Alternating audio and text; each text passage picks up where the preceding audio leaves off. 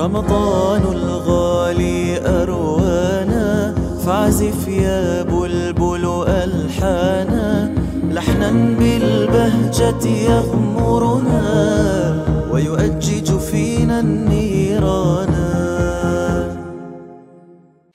السلام عليكم ورحمة الله وبركاته. أخلص النوايا لله عز وجل. بسم الله والحمد لله. وصلى الله وسلم على رسول الله. باب ما جاء في فضل ذكر الله عز وجل والدعاء.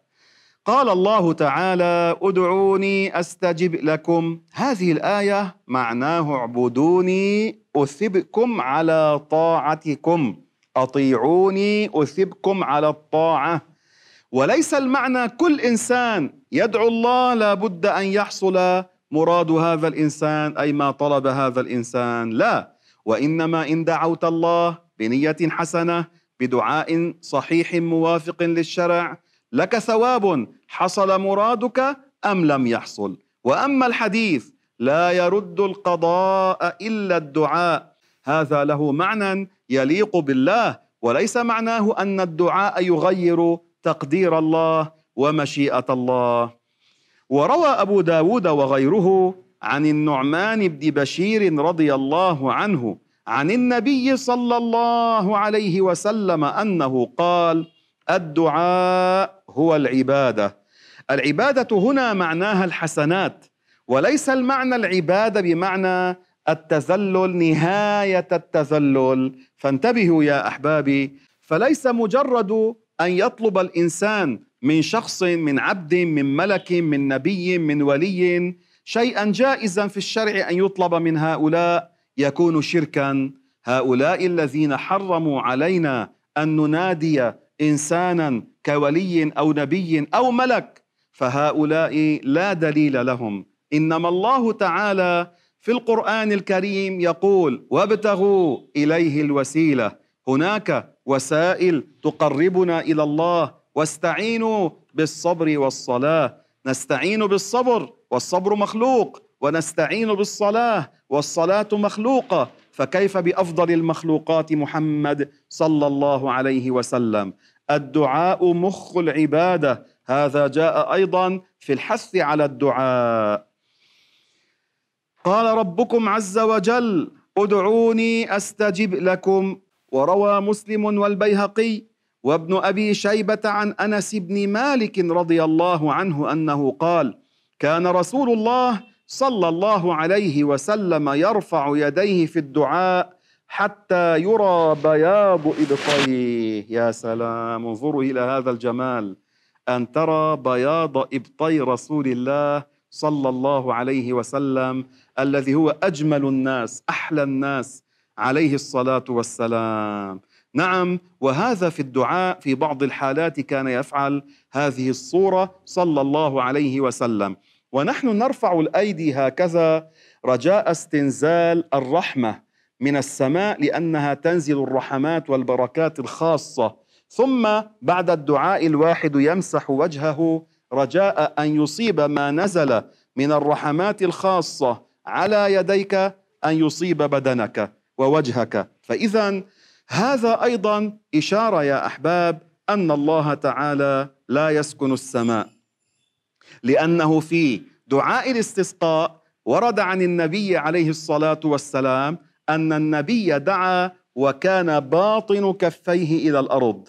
فهذا أيضا إشارة أن الله ليس في الأرض وليس في السماء. الله لا يسكن السماء ولا الأرض الله موجود بلا مكان. وروى ابن حبان والطبراني عن معاذ بن جبل رضي الله عنه أنه قال سألت رسول الله صلى الله عليه وسلم أي الأعمال أحب إلى الله عز وجل؟ قال ان تموت ولسانك رطب من ذكر الله عز وجل. هنا فائدة عظيمة. اولا يا أحباب أفضل الأعمال على الإطلاق ما رواه البخاري عن رسول الله صلى الله عليه وسلم إيمان بالله ورسوله وفي رواية إيمان لا شك فيه. هذا أفضل الأعمال. يليه الصلوات في مواقيتها. وأما الذكر اللساني فهو سنة فلا نفضل السنة على الفرض. وهذا ما وقع به أيضا. هذا الذي كان يدرس الدجاجة بزعمه أنه شيخ كان يقول للناس الذكر في المرتبة الثانية الذكر اللساني. وأما الصلاة ففي المرتبة السادسة أو السابعة بزعمه أن الذكر اللساني أفضل من الصلوات المفروضات. وهذا تكذيب للإجماع والعياذ بالله تعالى. لذلك أكثروا من الذكر. اشغلوا ألسنتكم بالذكر.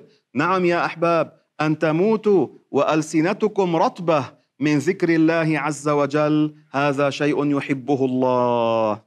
وروى ابن ماجه وأحمد عن أبي الدرداء رضي الله عنه الصحابي الجليل قال قال رسول الله صلى الله عليه وسلم ألا أنبئكم بخير أعمالكم وأرفعها في درجاتكم وخير لكم من إعطاء الذهب والفضة معناه ألا أخبركم ألا أعلمكم بأفضل الأعمال أرفع الأعمال درجة.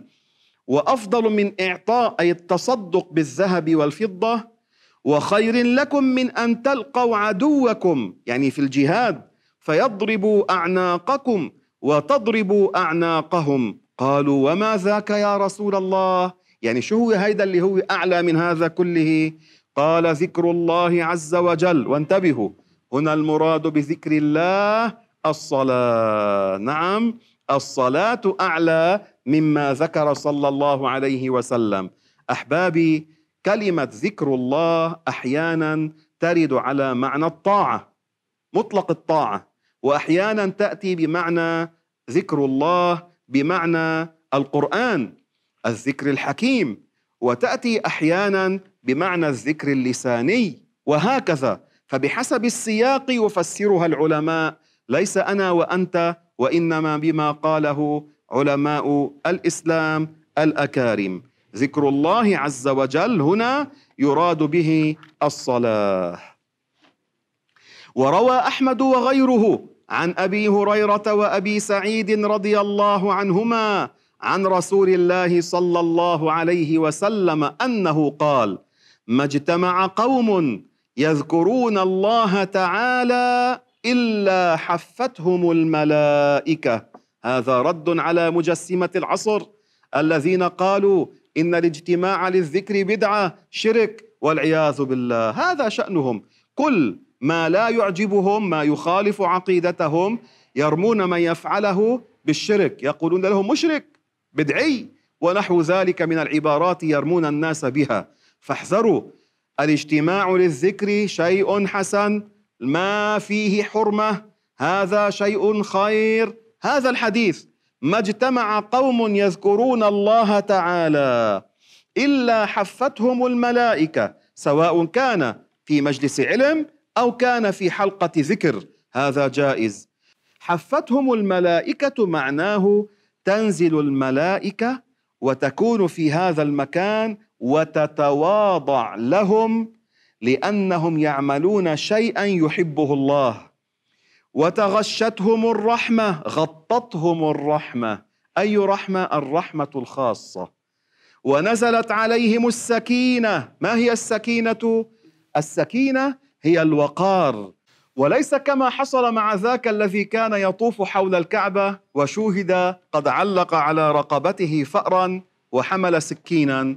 ثم قيل له ماذا تفعل؟ قال أنا قرأت في الكتاب من أراد أن يطوف فليطف بسكينة وفأر.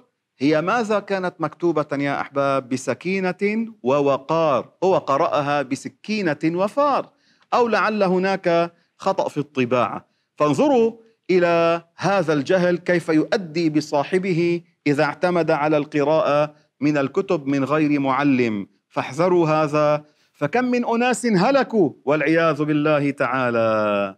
نعيد. ما اجتمع قوم يذكرون الله تعالى إلا حفتهم الملائكة وتغشتهم الرحمة ونزلت عليهم السكينة وذكرهم الله عز وجل في من عنده. يقول للملائكة أن يدعوا لهؤلاء. هذا معنى من عنده. ليس معناه أن الله في مكان وحوله ملائكة لا. في من عنده أي المقربون بالمعنى أي الذين هم مكرمون عند الله لأن الملائكة أولياء الرحمن. فعليكم بهذه الأذكار عليكم بهذه الأوراد علموها للغير الدال على الخير كفاعله والسلام عليكم ورحمة الله وبركاته.